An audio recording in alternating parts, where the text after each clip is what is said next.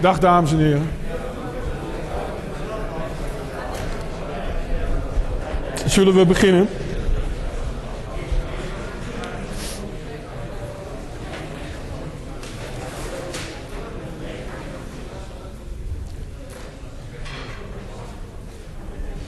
Dank u wel.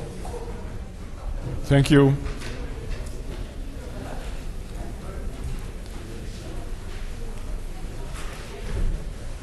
Is iedereen zover? Dankjewel.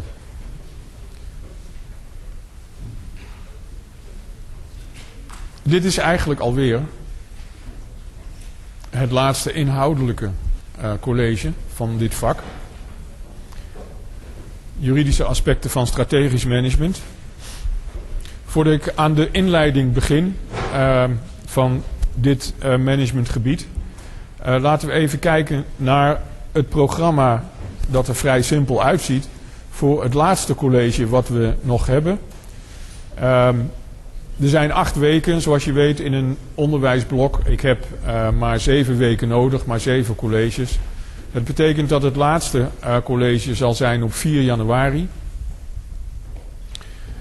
Um, en daar moeten we even um, wat afspraken over maken. Want anders dan bent u misschien teleurgesteld uh, als u daar naartoe komt. Um, de bedoeling is dat um, de meeste tijd tijdens dat college gebruikt wordt voor wat ik noem responsie. Een respons betekent antwoord, zoals u weet. het zijn vragen die u kunt stellen over uh, alles wat u hebt aangetroffen in uw aantekeningen uh, dingen die ik op college heb verteld, dingen die u in het boek hebt gelezen, uh, die u niet begrijpt of uh, waarvan u vindt dat ze beter opgeschreven hadden kunnen worden omdat er misschien een misverstand is. Nou ja, wat dan ook. Um, en het is uw laatste kans om onderst ondersteuning te krijgen, toelichting te krijgen voor het tentamen dat moet u dus wel voorbereiden, want anders um, hebben we daar niet veel aan.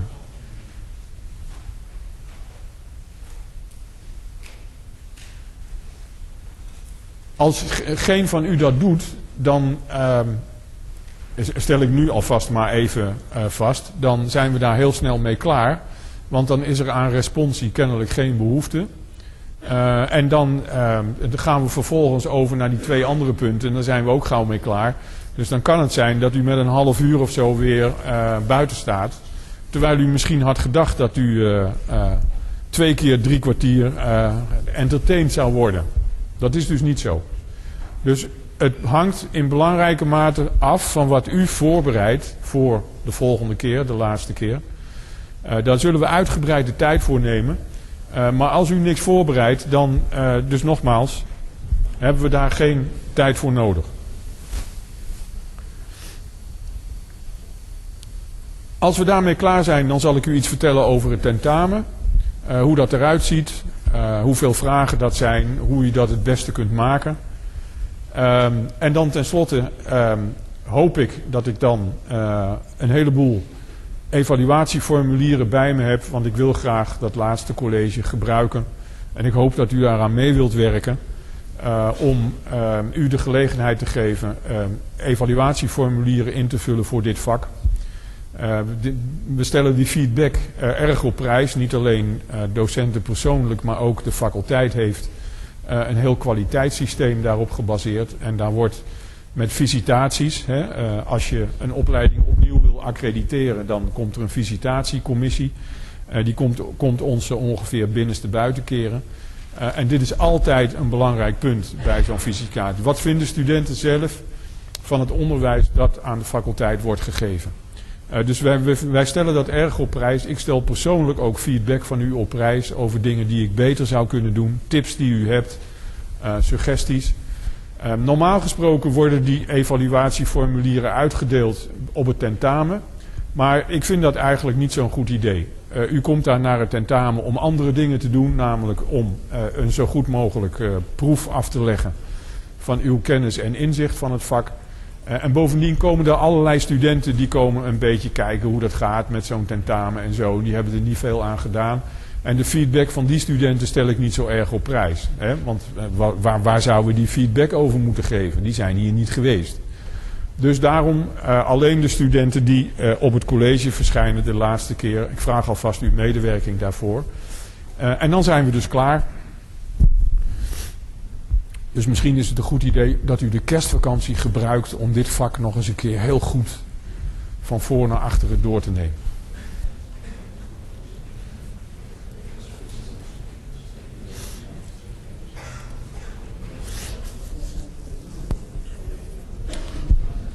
Wij gaan het hebben over uh, juridische aspecten van strategisch management. En ik heb al een paar keer uh, aangekondigd dat uh, het niet voor niks zo is dat. Dat het, niet zo, dat het niet voor niks zo is dat die strategische managementfunctie aan, het, aan het eind wordt behandeld. Anders gezegd dat de andere managementfuncties daaraan vooraf gaan.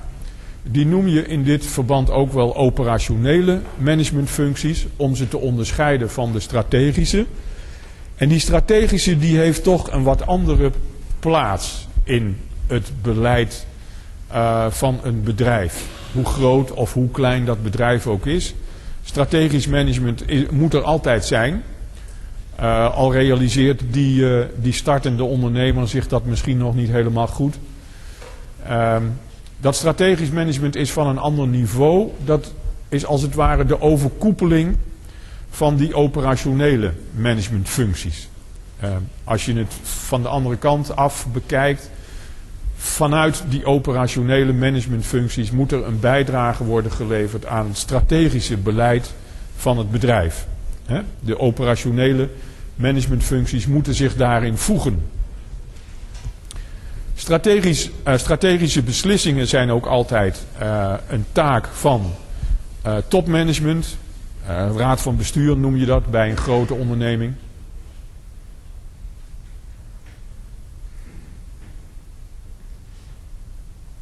Ja?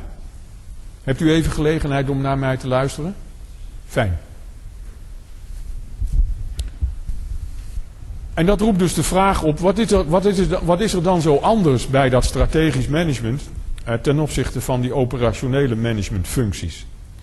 Um, als je dan in de literatuur kijkt van strategisch management, dan komen deze vier uh, uh, kenmerken steeds opnieuw terug. Soms zijn het er drie, soms zijn het er vijf. Moet je niet zo precies nemen. Maar om even een, een idee, om even feeling te krijgen voor wat het nou eigenlijk precies is, wat er nou strategisch aan is, uh, dan valt het volgende op. Uh, de, de, volgorde is willekeurig. Het is niet zo dat de ene belangrijker is dan de andere. Het zijn uh, kenmerken, hè? karakteristieken. Ehm, bij strategisch management gaat het altijd over de langere termijn. Dus niet, uiteraard niet de kortere termijn van vandaag en volgende week en volgende maand. Maar misschien wel over kwesties van uh, wat is er over een half jaar aan de hand? Of we zijn nu hier en waar willen we over een jaar zijn? Dus de langere, niet de lange termijn, maar de langere termijn. Daarmee hangt samen dat er uh, door strategisch management grenzen worden gesteld. Uh, aan allerlei dingen. Dus, dus het gebied van onze organisatie, van ons bedrijf, wordt afgebakend. Hè? Wat hoort bij ons en wat hoort bij anderen? Wat, wat doen wij zelf en wat kunnen we eventueel uitbesteden? Dus kwesties als outsourcing en zo, dat is hier ook aan de orde. Hè? De strategisch management maakt voortdurend keuzes. Dit doen we wel en dat doen we niet. Hier willen we goed in zijn en andere dingen laten we ons toeleveren. Dat moeten anderen maar doen. Dat is niet onze core business. Typische term van strategisch management is wat is wel en wat is niet core business. En core betekent gewoon kern. Dus dat heeft alles te maken met die keuzes die uh, gemaakt worden hier. Afstemmen op de omgeving, relatie met stakeholders. Ik, ik bedenk nu dat dat eigenlijk misschien hetzelfde is. Um, relaties met de omgeving, dus, dus intern, extern, he, naar buiten kijken proberen die omgeving ook zodanig vorm te geven dat onze organisatie, ons bedrijf daarin goed past. Uh, je kunt proberen je omgeving te managen. En relaties met stakeholders, ja, stakeholders staat hier tussen aanhalingstekens, omdat het zo'n uh, geëikte term is tegenwoordig. Uh, het wordt meestal afgezet tegen shareholders hè, en shareholder value. De echte Amerikaanse benadering. Hè, ons bedrijf is er uh, om uh, meer waarde te creëren voor de aandeelhouders. Hè. Hoe hoger dividend, hoe beter. Dat vinden wij in Europa een nogal uh, enge, en nogal beperkte benadering. in Europa, zo door de bank genomen, uh, praten we toch liever over stakeholders dan alleen maar over shareholders. En in deze visie, stakeholder value, zijn aandeelhouders stakeholders, net zoals werknemers, leveranciers, de omgeving, uh, belanghebbenden zijn bij het bedrijf. Hè? Een stake hebben in het bedrijf, een belang hebben bij dat bedrijf. Dat is even om de gedachte te bepalen, typisch uh, voor strategisch management. Zo is beter. Ik heb een beetje moeite gehad om uh, voor strategisch management een, een onderverdeling te vinden. Uh, zoals dat voor HRM eigenlijk heel gemakkelijk was. En uh, de vier P's van marketing, dat is ook uh, gesneden koek voor iedereen. Dat is voor strategisch management wat lastiger en dat komt uh, denk ik voornamelijk doordat strategisch management nog een vrij jong managementgebied uh, is. Vroeger werd het in Amerikaanse literatuur voornamelijk business policy genoemd. Uh, later is dat uh, omgetoverd, omgevormd tot strategisch management. Maar het is eigenlijk, als je ook de literatuur ziet, de ontwikkeling van het, van het vakgebied, van het managementgebied, is het het jongste van de managementgebieden. Van de, van de managementvakgebieden. En daardoor is het nog niet helemaal uh, uitgekristalliseerd. Uh, het, je ziet hier vier uh, onderdelen. in, in, in HRM-termen zou je zeggen taakvelden.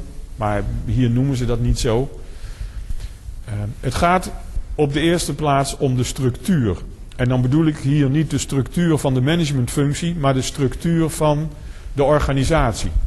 Hoe is de organisatie, hoe is het bedrijf uh, georganiseerd? Hoe, hoe zit dat in elkaar? Hoe is het organigram, als je zou willen zeggen? Hè? Het, het schema van de organisatie van het bedrijf. En dan denk je met juridische aspecten in je achterhoofd meteen aan de rechtsvorm. En daar zullen we zo meteen veel aandacht aan besteden. Dus de rechtsvorm is heel erg bepalend voor wat voor een soort uh, organisatie, wat voor een soort onderneming wij hebben.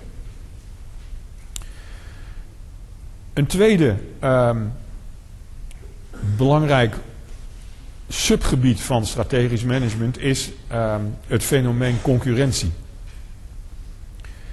Uh, ondernemingen staan in concurrentie tot andere ondernemingen. Uh, en juridisch denk je dan aan het publiekrechtelijk mededingingsrecht.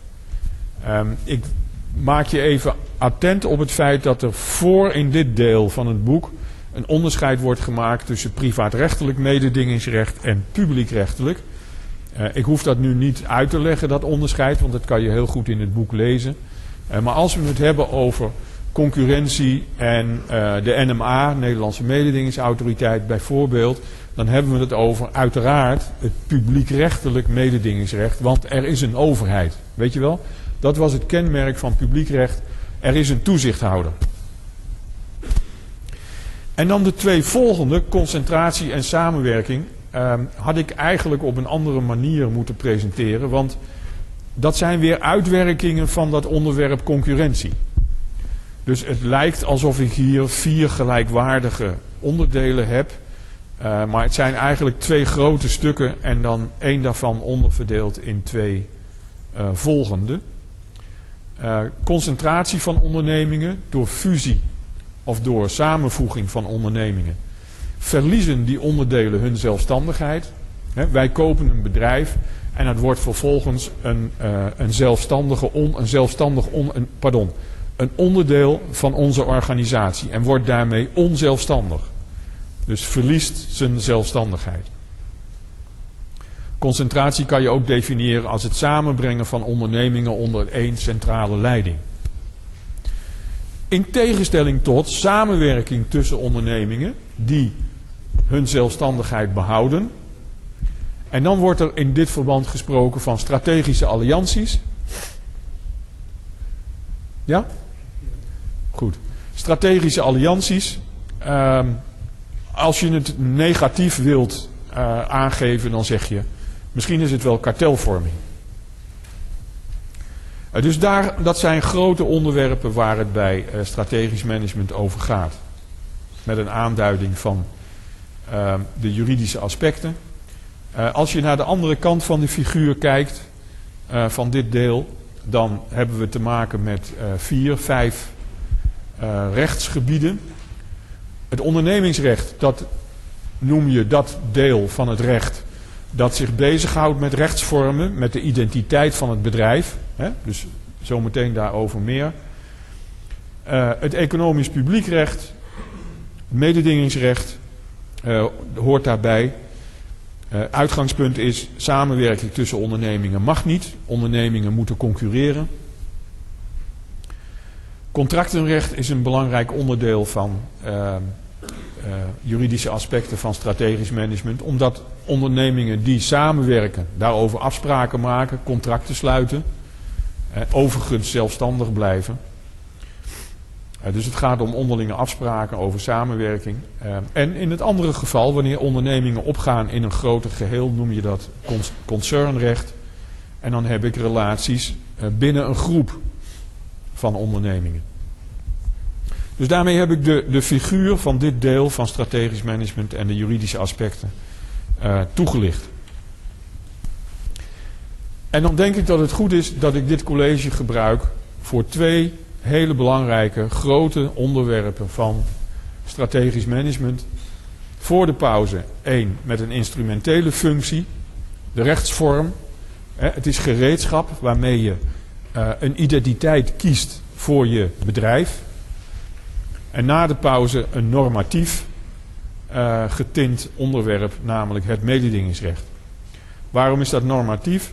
Omdat de strategische vrijheid, de strategische manoeuvreerruimte van een management uh, drastisch wordt beperkt binnen de grenzen van dat mededingingsrecht. Dat geeft als het ware de ruimte aan waarbinnen je strategisch beleid kunt voeren. Dus eerst het instrument van de rechtsvorm. Even een paar inleidende opmerkingen. Um, het is niet zo, dat is misschien ook, dat zou ook een theoretische mogelijkheid geweest zijn, maar daar hebben we niet voor gekozen. Uh, dat het zo is dat je voor een, bepaalde, voor een bepaald soort bedrijf dat daar dan een soort rechtsvorm, dat daar een bepaalde rechtsvorm bij hoort. Dat is niet zo. In principe is de keuze vrij. Dus een beetje grof en overdreven gezegd, het maakt niet uit wat voor soort bedrijf er wordt opgericht, want de keuze wordt bij de oprichting gemaakt. Later kan dat wel veranderd worden, maar dat is niet eenvoudig soms. Dus meestal is het bij de oprichting al dat er een keuze moet worden gemaakt. En de keuze is in principe vrij. Alleen als je er beter naar gaat kijken, kom je tot de conclusie dat sommige rechtsvormen voor bepaalde ondernemingen heel ongeschikt zijn. En anderen, eh, andere rechtsvormen veel geschikter. Om even de gedachte te bepalen. Uh, als je geld bijeen wilt brengen om een bepaald doel te bereiken. Uh, en het is niet zozeer de bedoeling dat je samen met andere mensen besluiten neemt. Dan kan je beter dat geld niet in een vereniging onderbrengen. Uh, maar dan kan je dat beter in een stichting stoppen. Want dan kan je veel sneller en slagvaardiger dat geld uitgeven voor het doel waar het voor bedoeld was. Dus in, in, in een aantal gevallen gaat het gewoon makkelijker wat je wil. Hè? En het instrumentele is het uitgangspunt. Hè? Het moet ons uh, gemakkelijk gemaakt worden. Dus we zullen zo meteen nog nader zien dat sommige rechtsvormen geschikter zijn voor een bepaald doel dan, dan andere. Een tweede punt is dat, uh, dat die keuze is weliswaar vrij, hè, dus binnen zekere grenzen. Uh, maar die keuze is niet vrijblijvend. En daarmee bedoel ik dat zo'n keuze uh, heel belangrijk is, omdat die niet alleen, uh, zoals gezegd, de identiteit van je bedrijf, van je organisatie bepaalt, maar het legt ook dingen vast. Ehm, bijvoorbeeld hoe, hoe besluiten moeten worden genomen binnen die organisatie. Als je kiest voor de rechtsvorm van een coöperatieve vereniging, dan vindt besluitvorming heel anders plaats dan binnen een BV of binnen een stichting.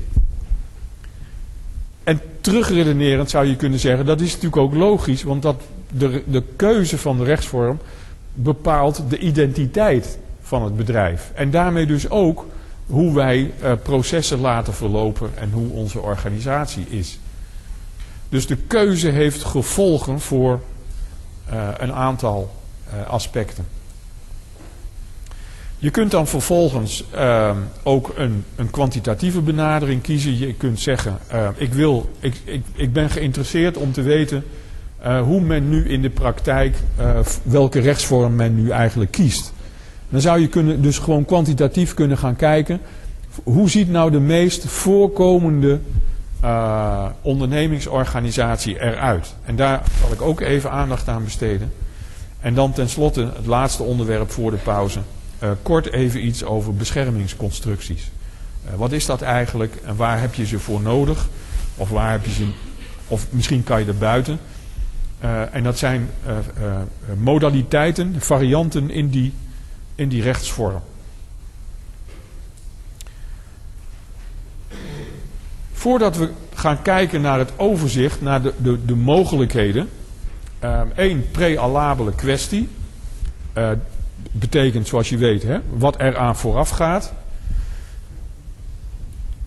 Moet ik nou een keuze maken? Stel, ik wil mijn eigen bedrijf beginnen, opstarten.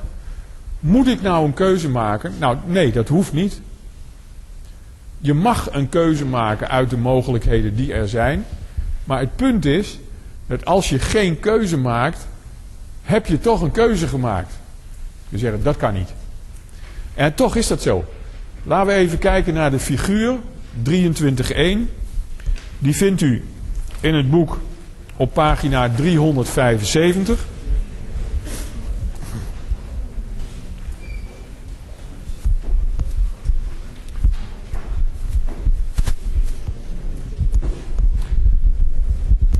Pagina 375.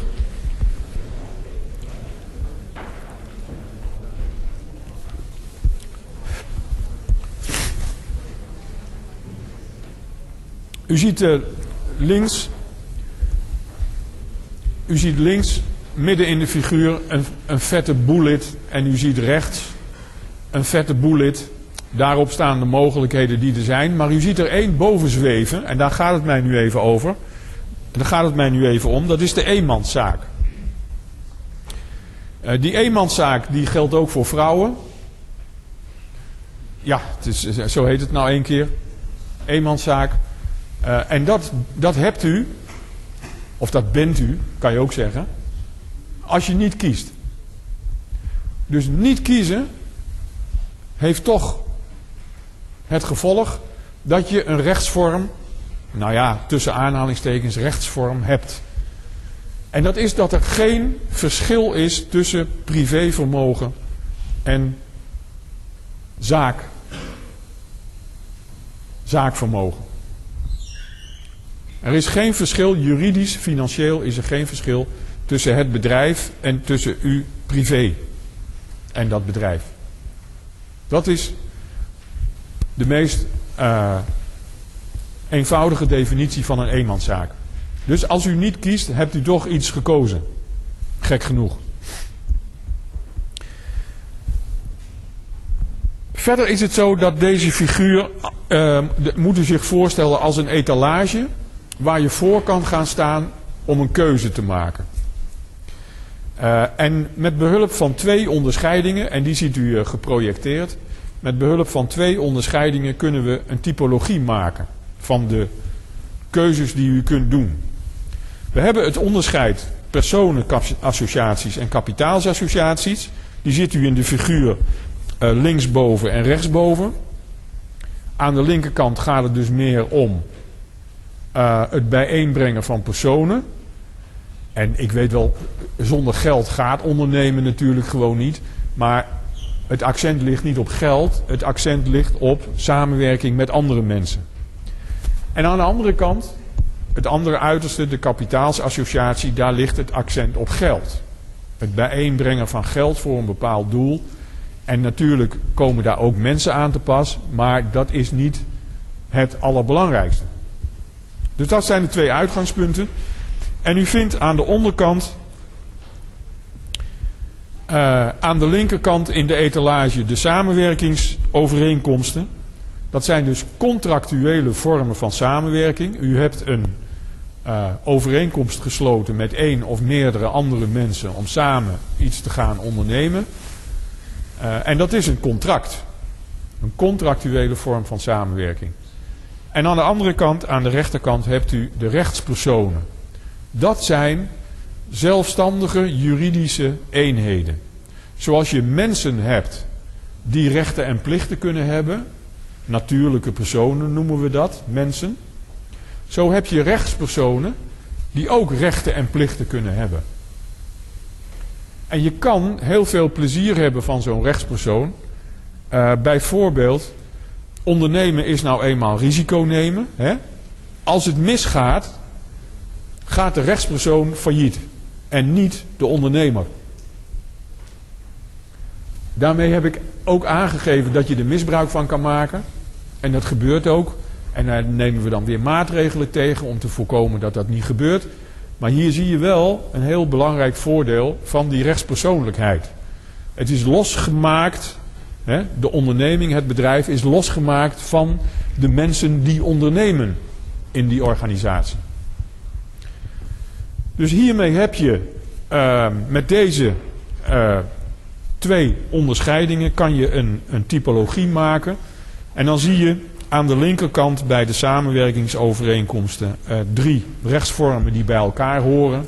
Die zijn als het ware familie van elkaar. De maatschap als uh, grondvorm. Die vind je veel in, uh, in, in het beroep. Denk aan medische specialisten, accountants.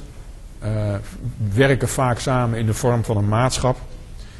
Een vennootschap onder firma is een bedrijf waar vennoten samenwerken. Wordt ook wel aangeduid als de firma. En de communitaire vennootschap. Dat is een vennootschap onder firma met één of meerdere uh, verschaffers van eigen vermogen. Dat noem je commanditaire vennoten. Die hebben alleen geld geïnvesteerd. Dus dat, dat is een, een, uh, een, een, een drietal dat bij elkaar hoort uh, op, op basis van de grondvorm maatschap. Dan heb je aan de rechterkant de meer democratische ondernemingsvormen, als je het zo zou willen zeggen. De grondvorm is de vereniging. De vereniging die in het algemeen niet wordt gebruikt voor, voor een bedrijf. Uh, dat is de coöperatieve vereniging, die meer geschikt is voor een ondernemingsvorm. Um, en je hebt de onderlinge waarborgmaatschappij. Dat is een, een soort verzekering, een soort verzekeringsmaatschappij. Dan heb je een tweetal dat bij elkaar hoort. Dat is de NV en de BV. De besloten en de open vorm van de vennootschap met aandelen. En dan de stichting. Dat, uh, laten we zeggen, de meest zuivere nou, voor 90% zuivere kapitaalsassociatie, waar het vooral gaat om het bijeenbrengen van geld voor een bepaald doel. Dat is heel in het kort het overzicht. Uh, met behulp van deze twee onderscheidingen. En voordat we verder gaan, even stilstaan bij twee veranderingen die eraan zitten te komen in deze, in deze etalage, in dit overzicht. Er zijn al twee, er zijn twee uh, vernieuwingen al een aantal jaren aanhangig bij het parlement. Je zou kunnen zeggen, het, het schiet maar niet op. Um, er is in de vakliteratuur wel geprobeerd te analyseren hoe het nou komt dat het niet opschiet. Dat is niet helemaal duidelijk. Um, maar ja, goed, de, uh, het, het, vertrek van het ene kabinet en de opkomst van een nieuw kabinet, dat betekent zomaar een half jaar of een jaar vertraging. Dus het zal binnenkort wel weer worden opgepakt, want er is een redelijk grote overeenstemming over deze voorstellen. Laten we even kort kijken uh, naar welke twee veranderingen er mogelijk in 2011, uh, maar misschien wordt het 2012, uh, gerealiseerd worden. De contractuele samenwerkingsvormen die u met z'n drieën aan de linkerkant ziet staan van de figuur, dus de maatschap, de vennootschap onder firma en de commanditaire vennootschap, die worden uh, vernieuwd. Daar gaat een grote uh, reorganisatieslag overheen. Uh, als voorbeeld noem ik hier de nieuwe variant, uh, de openbare vennootschap, zo gaat die heten. Dat is de nieuwe variant van de firma. Uh, en de grootste uh, verandering hier is dat, uh, de, dat de meeste, niet allemaal, maar de meeste van die contractuele samenwerkingsvormen, die worden ook rechtspersoon. Dus zoals je nu nog een heel duidelijk onderscheid hebt tussen niet-rechtspersonen en wel rechtspersonen, zullen de meeste rechtsvormen over twee, drie jaar rechtspersonen zijn. Niet allemaal, maar de meeste wel. Dus dat is een belangrijke verandering. En de tweede, die misschien nog belangrijker is voor het ondersteunen van ondernemers, dat is wat genoemd wordt de flexibilisering van de, van de BV. Uh, Zo'n zo woord krijgt dan een heel eigen leven. Uh, wat wordt ermee bedoeld? Eigenlijk wordt ermee bedoeld dat de BV, de besloten vennootschap, nog geschikter wordt gemaakt voor startende ondernemingen dan het nu al is. Een voorbeeld is dat, neem aan dat je dat wel weet, als je een BV wilt oprichten, wat om sociale, fiscale uh, redenen heel aantrekkelijk kan zijn, dan moet je 18.000 euro inlegkapitaal, startkapitaal hebben op het moment dat je het opricht.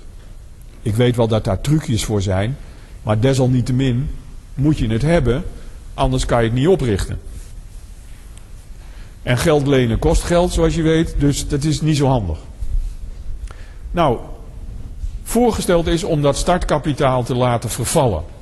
Dus daarmee geef ik al aan dat je, dat is ook de bedoeling van het voorstel, in de toekomst, nabije toekomst, veel gemakkelijker een BV kunt oprichten dan nu het geval is. En een andere, een ander voorbeeld van die flexibilisering is uh, dat je een grotere vrijheid hebt om die interne organisatie in te richten. Dus je kunt uh, eigenlijk, uh, je hebt veel meer vrijheid bij het, bij het samenstellen van je statuten dan je nu hebt. Dus dat zijn twee belangrijke veranderingen waar u naar kunt uitkijken.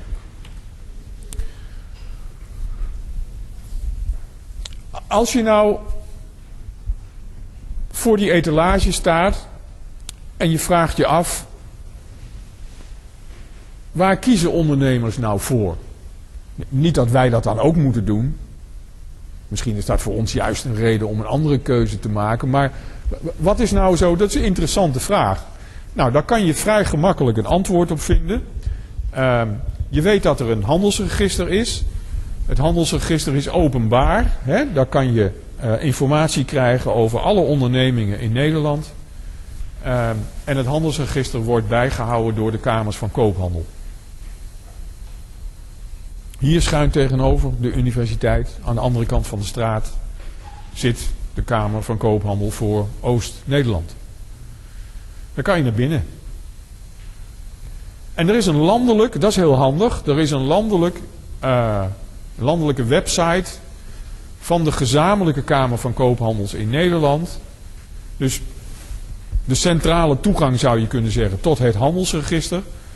En ik raad je aan, uh, gewoon als onderdeel voor de studie van dit vak, om op de site, dus een hele aardige site waar je heel veel informatie kunt vinden, is bovendien betrouwbare informatie. Uh, op die site uh, kvk.nl om daar uh, te zoeken met het woord rechtsvorm of rechtsvormen. Dan krijg je een heel mooi overzicht, nog veel uitgebreider dan die etalage van mij, uh, over welke mogelijkheden er zijn. Je kan daar ook te weten komen waar, voor welke vormen nou eigenlijk wordt gekozen. En dan blijkt dat er twee veruit uh, de grootste aantallen inschrijvingen in het handelsregister hebben. Dat is ofwel een eenmanszaak. En nogmaals, uh, ook vrouwen kunnen een eenmanszaak hebben. Uh, ofwel, als er gekozen wordt voor rechtspersoonlijkheid, dan is het de BV. Dat zijn verreweg de meeste keuzes die worden gemaakt. Uh, en ik heb uh, in het boek omdat ik dan denk van ja, goed, je moet toch weten wat een onderlinge waarborgmaatschappij is en wat een coöperatieve vereniging is. Maar laat ik vooral de aandacht van de studenten trekken voor de meest voorkomende organisatievorm. Dat heb ik dan verder uitgewerkt door, door mij af te vragen: wat gebeurt er nou met zo'n BV? Hè? Als er gekozen wordt voor een BV. Uh, wat gebeurt er nou als die wat groter wordt? Nou, dan kan het zijn dat er een ondernemingsraad bij komt. Dan kan het zijn dat er een raad van commissarissen bij komt. En zo kan je uh, een eenvoudig schema maken van hoe zo'n meest voorkomende organisatie eruit ziet. Tot slot. Is dat zo? Nee. Daarna nog één onderwerpje. We zouden even stilstaan bij beschermingsconstructies, omdat u uh, moet weten wat, daar, wat daarmee wordt bedoeld. U hoeft daar niet alles van te weten, maar u moet er wel een keer iets over gehoord hebben, zodat u daar geen uh, domme dingen over zegt. Beschermingsconstructies komen voor en die komen met name veel voor bij naamloze vennootschappen. Welk doel hebben die beschermingsconstructies? Ja, om te beschermen. Maar wat dan? Wat wordt er dan beschermd? Uh, nou, wij willen graag de baas blijven in ons eigen bedrijf. En nou kan het zijn dat als wij aandelen uitgeven, uh, wij zijn een NV, dat is de gemakkelijkste vorm om uh, uh, financiering hè, op basis van vermogenstitels aan te treffen, bij, aan te trekken vanuit het grote publiek. want aandelen van naamloze vennootschappen zijn gemakkelijk verhandelbaar, via de beurs namelijk. Dan weten wij op een gegeven moment niet meer waar al die aandelen zitten. Moeten we dat weten dan? Nou nee, dat hoeven we niet te weten. Maar als er een aandeelhoudersvergadering is, en die moet er zijn één keer per jaar, om over belangrijke uh, onderwerpen beslissingen te nemen, dan komen daar allerlei mensen naartoe, die kennen wij niet. En dat wordt een beetje riskant. Want hoe zullen die mensen gaan stemmen? Voordat wij het weten, worden wij weggestemd als bestuur. En dat willen wij niet, want wij willen blijven.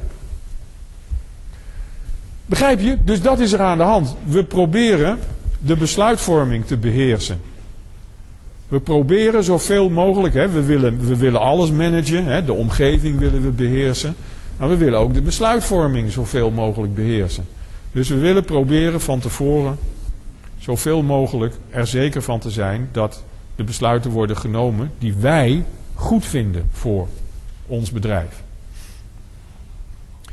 En meer in het bijzonder gaat het dan natuurlijk om de afweer van vijandelijke overname.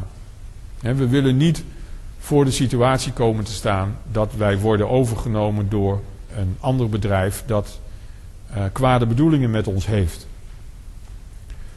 Welk middel gebruiken we dan voor zo'n beschermingsconstructie? Nou ja, Uiteindelijk worden besluiten genomen op de vergadering van aandeelhouders. Die besluitvorming willen wij beïnvloeden. Dus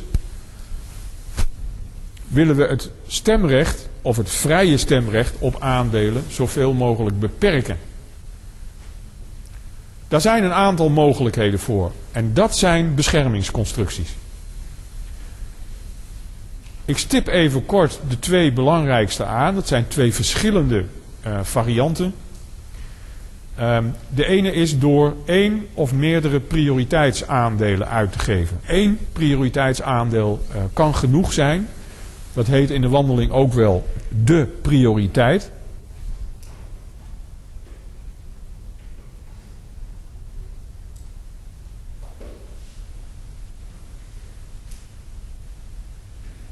Wat bent u eigenlijk aan het doen op dat laptopje?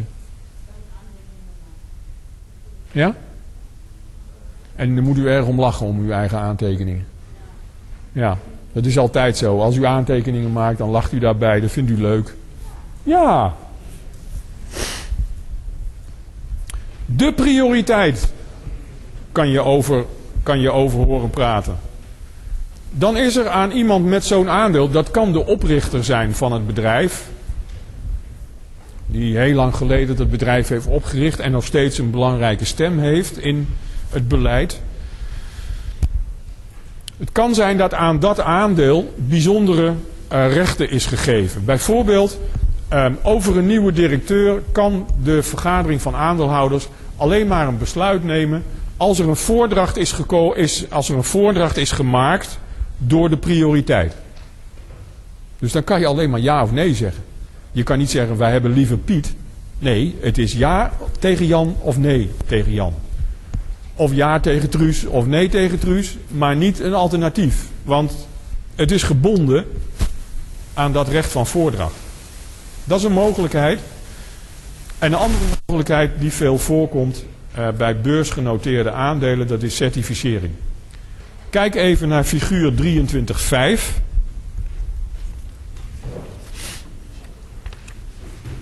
Op pagina 386. Certificering van aandelen.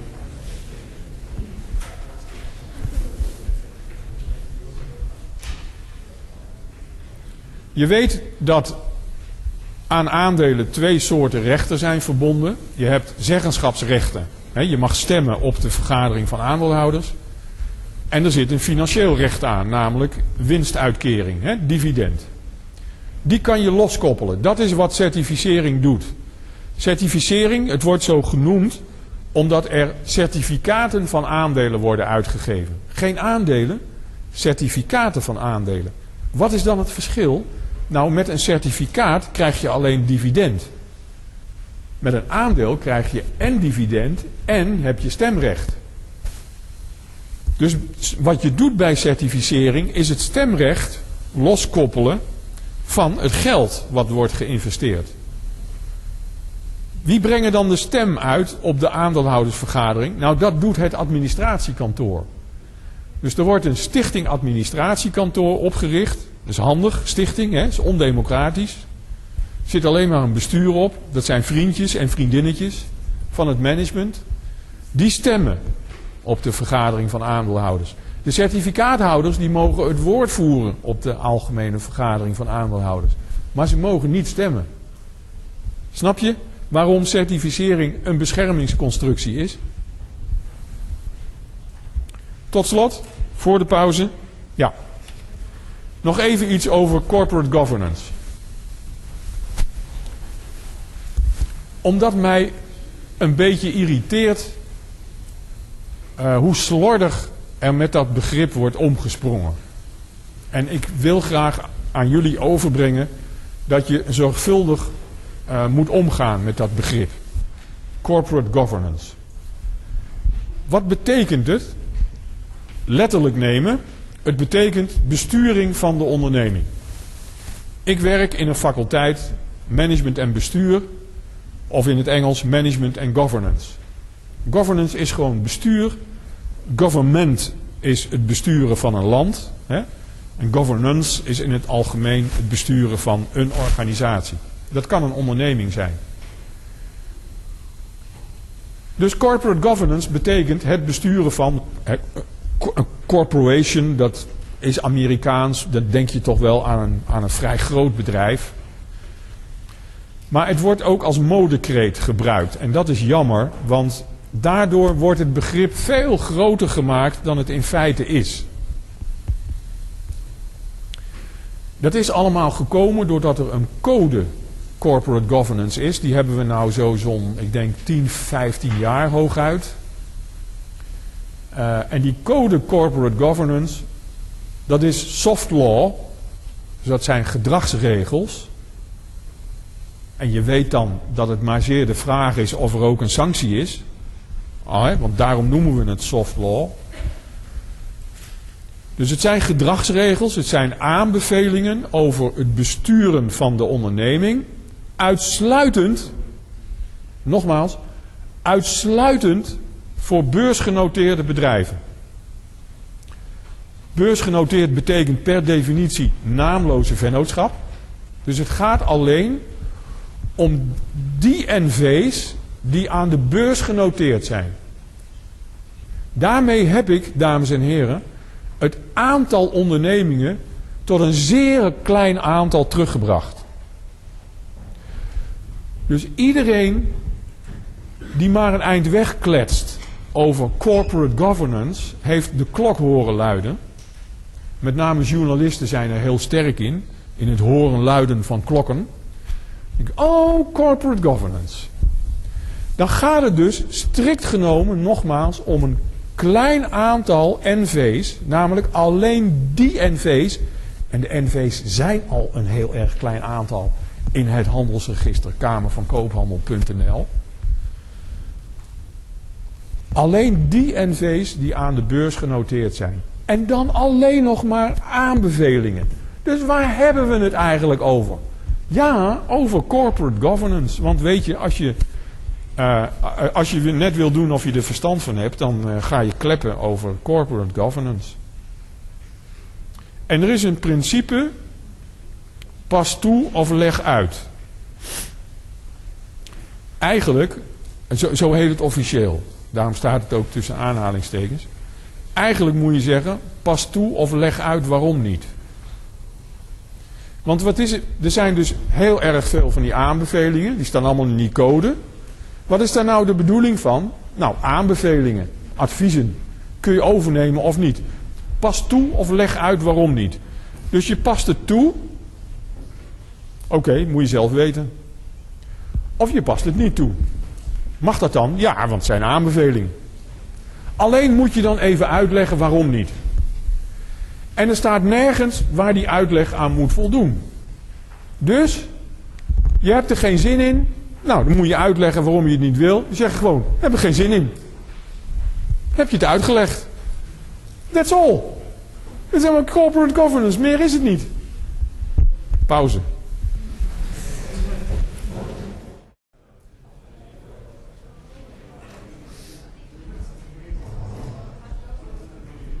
Dank u wel.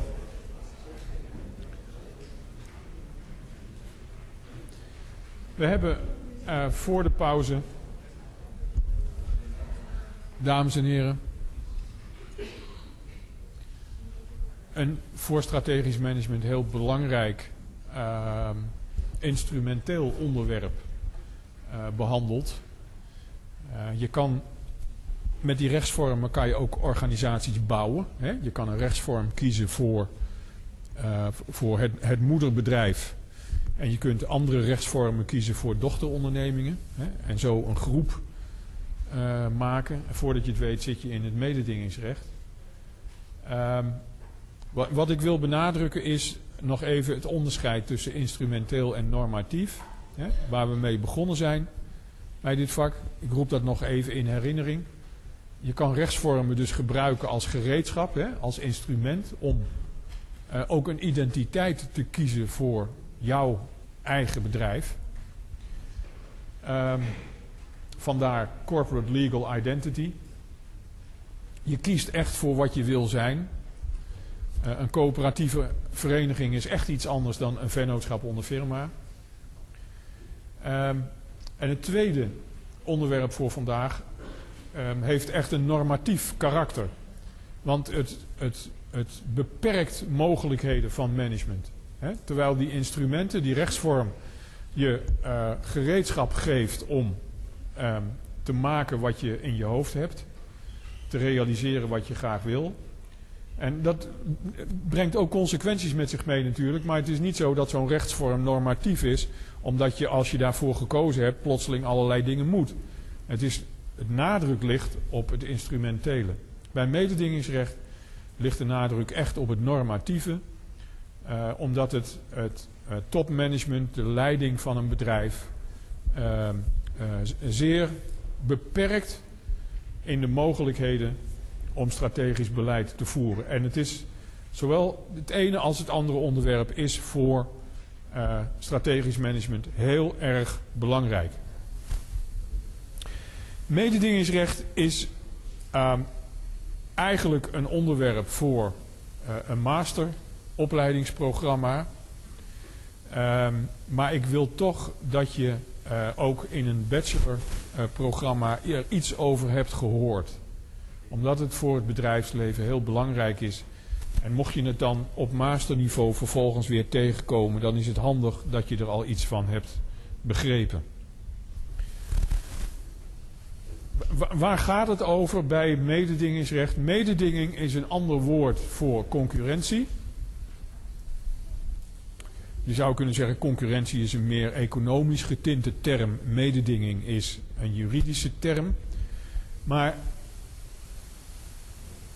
hoewel het in het Engels, dat wil zeggen in het UK Engels, competition law heet, dus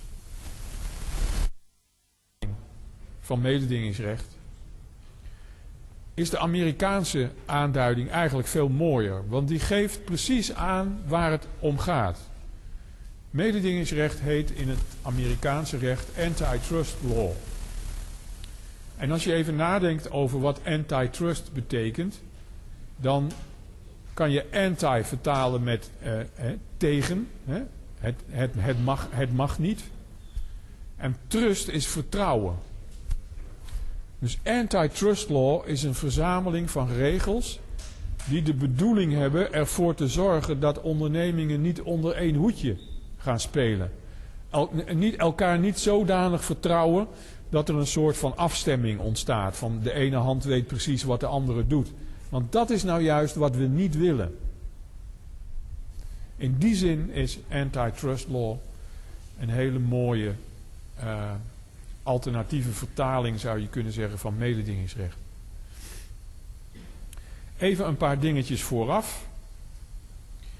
Um, een gelukkige bijkomstigheid bij het Europese mededingingsrecht uh, van de Europese Unie en van de lidstaten is dat het heel behoorlijk op elkaar is afgestemd. Eigenlijk zijn het twee geïntegreerde niveaus.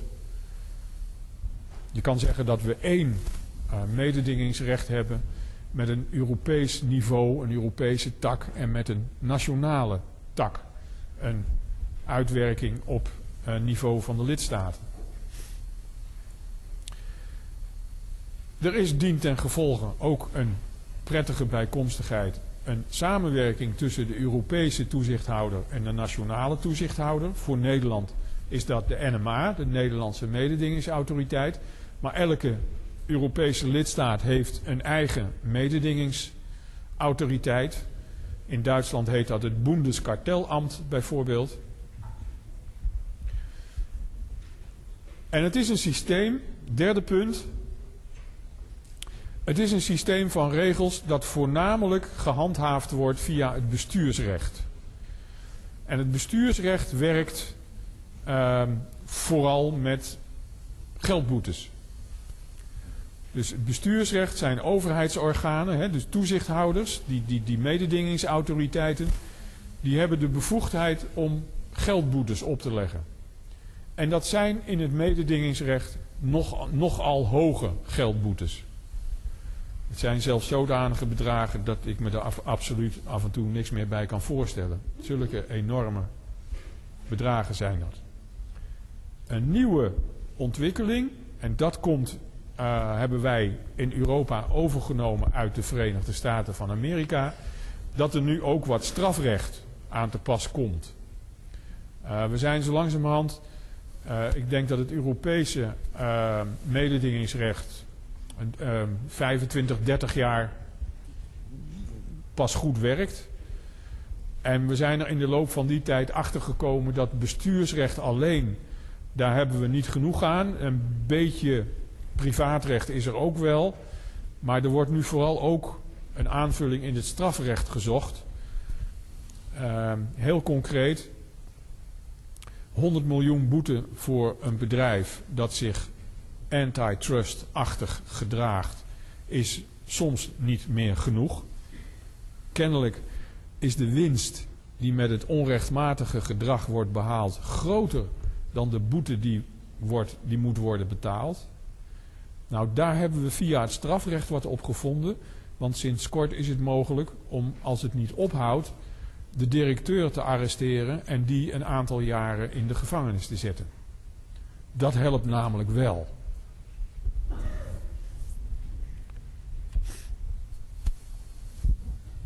Als je één uh, kreet zou moeten verzinnen, zeggen, uh, pers het hele mededingingsrecht nou is zodanig samen uh, dat er een kreet ontstaat, dan zou dit de kreet kunnen zijn. Concurrentie is de norm. en dan moet je je realiseren dat we hier dus een, een, een rechtsgebied hebben, een rechtssysteem hebben, Europees en nationaal, supranationaal en nationaal dat dienstbaar is aan een dominant economisch systeem. Wij hebben in ons deel van de wereld, westerse samenlevingen, uh, gekozen voor een economisch systeem dat je markteconomie zou kunnen noemen. Belangrijke economische beslissingen worden genomen in bedrijven. Ondernemingsgewijze productie wordt het ook wel genoemd anders dan een planeconomie waar een centraal orgaan uh, bepaalt wat, waar, wanneer, hoeveel geproduceerd moet worden. Daar zijn een heleboel andere landen van teruggekomen. En die markteconomie, ondernemingsgewijze productie, is in toenemende mate het dominante systeem geworden uh, voor welvaart. Uh, welzijn is iets anders. Ehm, en het mededingingsrecht is daar een heel belangrijk hulpmiddel voor. Concurrentie is de norm. De norm is, de is regel. Mededingingsrecht zorgt voor concurrentie. Ik wijs je even op de Parker Pen uh, case. Je hoeft het niet op te zoeken, maar misschien kan je even opschrijven dat je het vindt op pagina 393 van het boek. En die Parker Pen case is veel belangrijker eigenlijk dan je in de meeste uh, boeken over mededingingsrecht aantreft. Omdat dat een beslissing is van het Europese Hof van Justitie, waarin principieel is uitgemaakt dat het mededingingsrecht vanwege zijn functie van het ondersteunen van het systeem van de markteconomie ook alleen maar van toepassing is op de markt. Wat heb je daarmee nou gezegd? Nou, daarmee heb je een heel belangrijk iets gezegd, namelijk dat concurrentie plaatsvindt buiten ondernemingen op de markt en niet binnen ondernemingen. Waar de Parker Pen case over gaat, dat is dat regels van concurrentie niet, niet gelden binnen een groep van ondernemingen, dus binnen een concern, maar buiten ondernemingen. Want de markt is niet binnen een groep ondernemingen, de markt is daarbuiten. Dus het mededingingsrecht werkt alleen buiten groepen ondernemingen. Dat is de definitie van markt.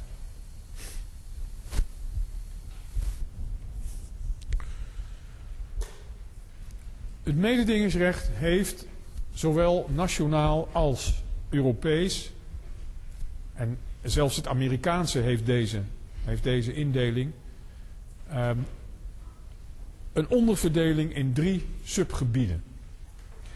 En die drie subgebieden die zijn geordend naar de manier waarop je de concurrentie kan beperken.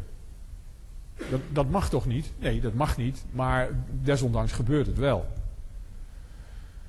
Dat is vaker zo met dingen die niet mogen. Je kan de concurrentie op drie manieren beperken. En daarom hebben wij uh, een, een, een subgroepering, een, een nadere invulling van het mededingingsrecht naar deze drie manieren waarop je de concurrentie kunt beperken. In willekeurige volgorde kartelvorming, concernvorming en het misbruik maken van een economische machtspositie. Dat zijn de drie uh, manieren waarop bedrijven proberen de concurrentie te beperken. Even inzoomen op elk van de drie. Wat is kartelvorming? Kartelvorming is het onderling maken van afspraken tussen ondernemingen waardoor de concurrentie wordt beperkt.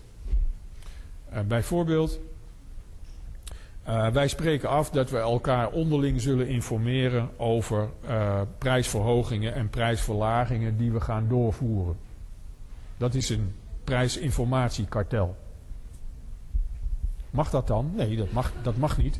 Dat zullen we zo meteen zien, maar daarom gebeurt het wel. Dat zijn kartels. Dus kartels zijn, is, een, is een samenwerking. Een kartel is een samenwerkingsverband tussen ondernemingen die verder op zichzelf zelfstandig zijn. Concernvorming of concentratie van ondernemingen. Concentratie betekent samentrekking. Concernvorming is het onder één leiding brengen van verschillende bedrijven die voor die tijd zelfstandig waren. Met andere woorden, na de concentratie zijn ze van zelfstandige bedrijven onzelfstandige dochterondernemingen of business units of hoe je het wilt noemen geworden. Dus ze zijn opgenomen in een groep en binnen die groep geldt het mededingingsrecht dus niet. Hè? Parker Pen En het is duidelijk dat je de concurrentie kunt beperken door ondernemingen onder één centrale leiding te brengen. Want het aantal concurrenten wordt daardoor kleiner. Fusie of overname. KLM, wat vroeger een zelfstandige luchtvaartmaatschappij, is nu onderdeel van een concern uh, dat uh, uh, Air France heet. Dus daar heeft een fusie plaatsgevonden. KLM zegt dat het een fusie is. Air France zegt dat het een overname was. De derde vorm is een beetje, uh, staat er een beetje buiten. Uh, die andere twee die hangen nog samen in, in die zin dat je kan zeggen van ja, de ene variant is tussen zelfstandige ondernemingen, die zijn ook zelfstandig gebleven. De andere waren zelfstandigen, zijn dat nou niet meer. De derde is misbruik maken van een economische machtspositie. Dat is, praat je over één onderneming. Hoewel het in theorie mogelijk is dat een paar ondernemingen samen ook een machtspositie kunnen hebben, dan wordt er in het mededingingsrecht wel gesproken van een collectieve economische machtspositie, maar dat komt niet zo vaak voor. Het prototype is eigenlijk één bedrijf dat een economische machtspositie heeft. En daar kun je gebruik van maken, je kan er ook misbruik van maken. Dus dat zijn de drie uh, manieren om de concurrentie te beperken. Andere manieren zijn er niet. Deze drie. Uh, en zo is het mededingingsrecht uh, opgebouwd. Eerste variant is de kartelvorming. Het is dus een samenwerking tussen zelfstandige ondernemingen. En je kunt drie varianten hebben. Het gek genoeg kom je het cijfer 3 in het mededingingsrecht heel vaak tegen. Er zijn drie typen van concurrentiebeperkingen. Eén daarvan is kartelvorming en daar zijn dan weer drie typen van. Je hebt een contractuele samenwerking. Ondernemingen maken een afspraak en leggen dat schriftelijk vast, bijvoorbeeld. Maar een mondeling contract is ook een contract. Het kunnen besluiten zijn van ondernemersverenigingen. ehm, de Vereniging ter Bevordering van de Belangen van de Boekhandel. Dat is een kartel. Dat is een organisatie van boekhandels die overleggen onderling. dat is een kartel. Dat, dat heet heel chic de Vereniging ter Bescherming van de Belangen van de Boekhandel, maar het is een kartel. En als zo'n kartel, als zo'n vereniging een besluit neemt en ze houden zich er allemaal aan, dan is dat effectief hetzelfde als wanneer ze een contractuele samenwerking zouden hebben. Dan heb je nog een venijnige derde variant. Daar zie je eigenlijk niks aan. Ze, ze doen niks. Ze hebben niks afgesproken. Ze hebben ook geen vereniging ter bescherming van hun belangen opgericht. Het is een onderling afgestemde feitelijke gedraging. Dat is een, uh, een standaard begrip in het mededingingsrecht. Zodanig zelfs uh, dat het vaak alleen maar met de letters O, A, F, G wordt aangeduid. Een onderling afgestemde feitelijke gedraging. En dat is precies wat het is. Ze kijken nauwkeurig naar elkaar. Ze spreken niks af. Ze praten ook niet. Ze kijken alleen maar. En ze zien dat de een, laten we zeggen Shell, de prijs van de benzine aan de pomp verhoogt. En de anderen doen dat ook. Hebben ze dat afgesproken? Nee. Dat doen ze gewoon. Maar het is natuurlijk eigenlijk wel een kartel. Want het is het beperken van de prijsconcurrentie. En dat is heel lastig voor een mededingingsautoriteit om hier uh, een vinger achter te krijgen. De NMA, want ik koos het voorbeeld niet toevallig. De NMA doet al jaren onderzoek naar de benzinemarkt. En het prijsgedrag van aanbieders op de benzinemarkt. Dat is namelijk een oligopolie. Een klein aantal aanbieders met een heel groot aantal vragers. Hè. Wij willen allemaal benzine aan de pomp, want anders rijdt die auto niet. En, die, en dat kleine aantal aanbieders houdt elkaar in de gaten en weet precies wat ze doen. En er is vaak een marktleider. En in dit geval is dat Shell. En ze kijken naar de marktleider. En ze volgen het gedrag van de marktleider. Dat is een onderling afgestemd feitelijk gedrag. Kartels zijn verboden. Dat is de hoofdregel. Hele hoge geldboetes. Misschien zelfs gevangenisstraf. Behoudens uitzonderingen. Dus je kan eronder uitkomen als je een goed verhaal hebt. Daarover zometeen meer. Dat zijn kartels en de verschillende varianten. De tweede vorm van concurrentiebeperking is de concentratie. Concentratie van ondernemingen door fusie of overname. Het woord fusie wordt gebruikt. Ik suggereerde dat net al even. Het woord fusie wordt gebruikt als het gaat om twee ongeveer uh, gelijkwaardige ondernemingen hè, van gelijke grootte die samengaan. Dan spreek je van fusie. Van overname spreek je als één grote een kleintje of meerdere kleintjes opslokt.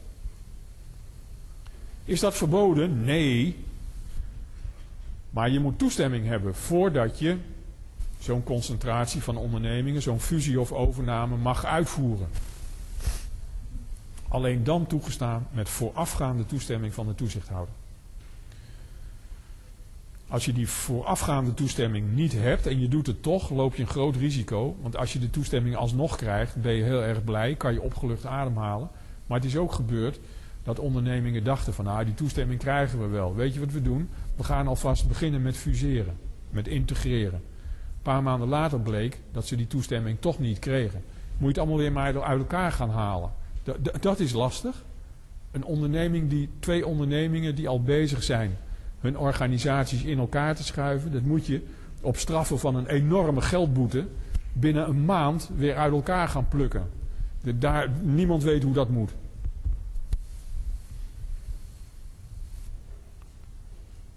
Het spreekt natuurlijk vanzelf, daar kom ik zo meteen nog even op, op die uitzonderingen. Uh, spreekt voor zich dat de mededingingsautoriteit zich niet gaat bezighouden met een heleboel hele kleine ondernemingen die samen graag iets willen gaan doen. Zeggen van, weet je wat, dat heeft geen effect op de concurrentie regionaal of zo. Ik bedoel, hè, houden we ons niet mee bezig. Derde type van concurrentiebeperking is misbruik maken van een economische machtspositie. Ik kan het niet hard genoeg uh, onderstrepen.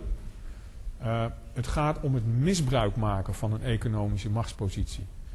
Desondanks zijn er jaar in jaar uit studenten uh, die mij proberen duidelijk te maken dat een economische machtspositie is verboden. Dat schijnt iets te zijn dat als dat één keer verkeerd in zo'n hoofd zit, dat je dat er nooit meer goed in krijgt. Ik weet niet wat dat is. Dus, dames en heren, het gaat om het misbruik maken van een economische machtspositie. Dat is verboden. Dus niet een economische machtspositie is verboden. Nog erger is roepen dat een monopoliepositie verboden is. Dat is helemaal heel verschrikkelijk.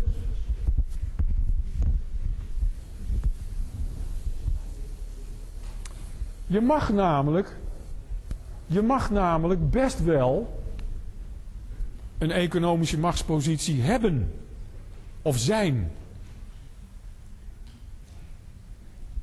Als je goed hebt nagedacht over uh, producten en diensten die je voor een aantrekkelijk bedrag in de markt zet en op die manier autonome groei realiseert, want zo heet dat, je groeit vanzelf groter omdat je de goede dingen doet. Nou, dan heb je binnen de kortste keren een economische machtspositie. Is dat erg? Wel nee, dat is hartstikke mooi. Dat wil je toch graag? Je wilt toch graag groeien? Alleen, je moet scherper gaan opletten. Want naarmate je groter wordt, naarmate je machtspositie, naarmate je als onderneming een economische machtspositie krijgt, wordt er scherper op jou gelet. Dat is het punt. Dus je moet gewoon zorgvuldiger worden. Je moet zorgen dat je die positie niet gaat misbruiken. Ontzettend leuke cases, jongens, op dit gebied. Uh, ondernemingen doen de gekste dingen. Uh, waaruit blijkt dat dan, dat misbruik? Nou, bijvoorbeeld door te hoge prijzen. Dat is logisch, hè? Op een gegeven moment ben je nog maar zo'n beetje de enige. Je hebt je marktaandeel van 80% of zo. Er zijn nog een paar kleintjes, maar ja, die kijken alleen maar wat jij doet. Dus je kan vragen wat je wil. Dat is misbruik. Je misbruikt je economische machtspositie door veel te hoge prijzen in rekening te brengen. Te lage prijzen kan ook. Dat is raar. Je bent groter gegroeid. Je hebt, hey, letten we nog even op. Je bent groter gegroeid. Je hebt een economische machtspositie. Kan je eigenlijk die positie uitbuiten door hele hoge prijzen te gaan vragen? Ja, zo'n winst maken elk jaar. Dat doe je niet. Ga je te lage prijzen vragen? Wat is dat nou? Nou, die paar concurrenten die er nog zijn, die wil je eruit drukken. En als die er niet meer zijn, dan. Maar die geldboete die dan komt.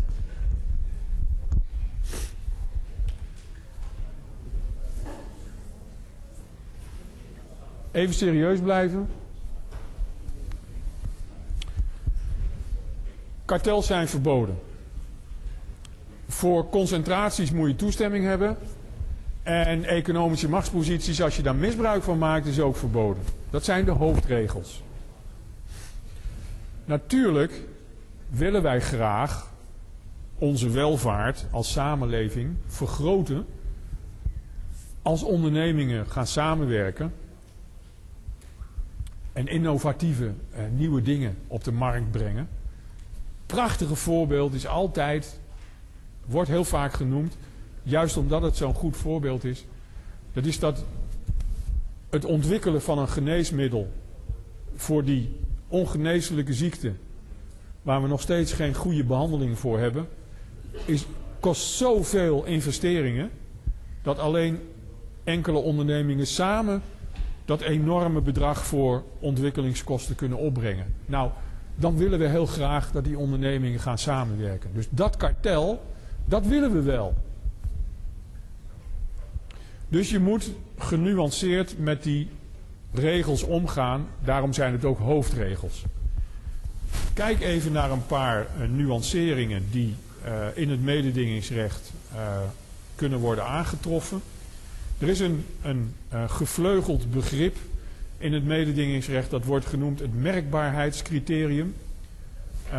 Dat is het geval van die kleine ondernemingen waar ik het net over had, waar we ons niet altijd druk over maken. Kijk, we willen wel graag dat die mededingingsautoriteit zich bezighoudt met beperkingen van de concurrentie die ertoe doen, hè, die wij merken. Als het gaat om een concurrentiebeperking die merkbaar is, dan willen we dat er tegen wordt opgetreden. Als er nou twee banketbakkers in Oost-Groningen prijsafspraken maken, nou ja, het mag wel niet. Uh, en misschien moet iemand ze een keer uitleggen dat dat beter is van niet. Maar ja, merkbaar is het niet voor ons hier. Hè? De minimis is een term die je in dit geval uh, veel tegenkomt. Uh, het is Latijn en het betekent uh, kleinigheid. Heel klein.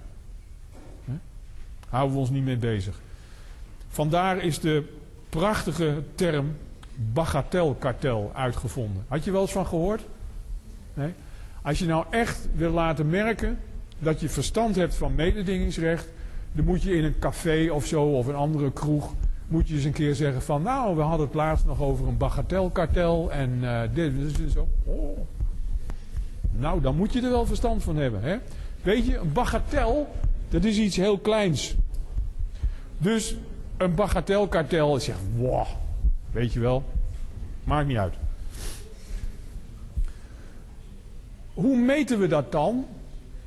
Nou, we maken gebruik van uh, marktaandelen, dat is, uh, ligt voor de hand wordt het meest gebruikt. Of omzetdrempels. We, gaan pas, we gaan pas op jou letten als jij een omzet realiseert boven een bepaalde drempel. Zeg, volgens mij zijn er heel erg veel kartels aan het ontstaan nu. Hé, hey, kan het nog even een beetje kalm wezen? Het is zo klaar.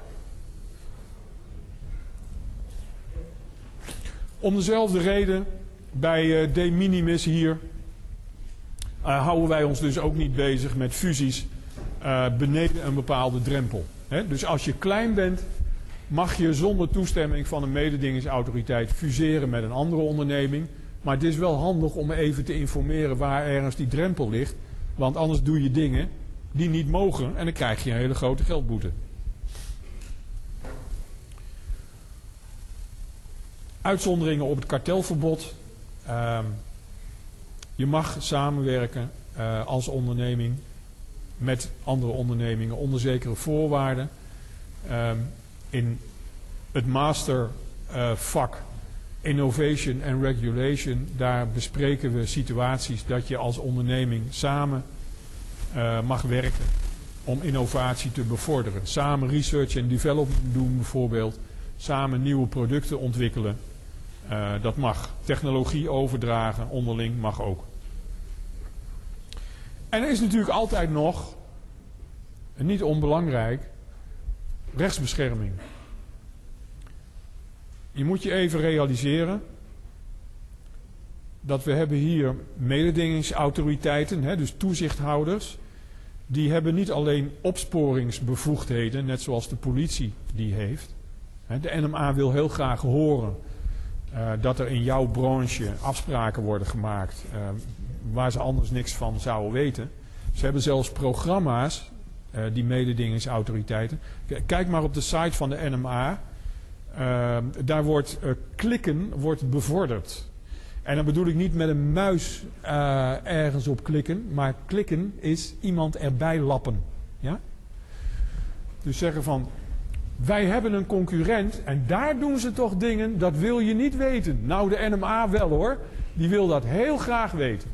En het wordt zelfs bevorderd doordat als jij genoeg hebt van het kartel waar jij met jouw concurrent in zit, en jij bent bereid om de NMA daar alles over te vertellen, krijg jij misschien wel geen geldboete of een hele kleine geldboete.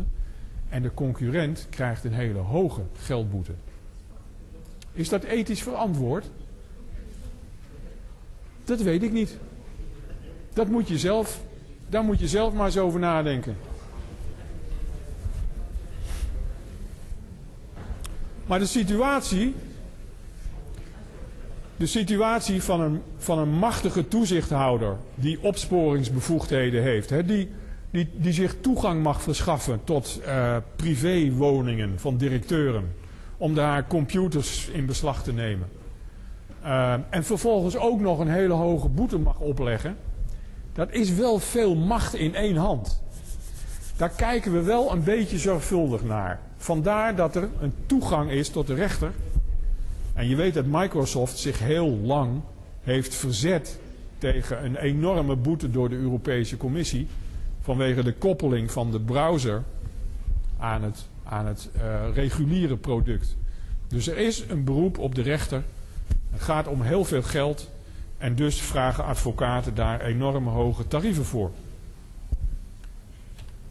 Dat was het. Dit is het laatste college. Hebben we het over gehad.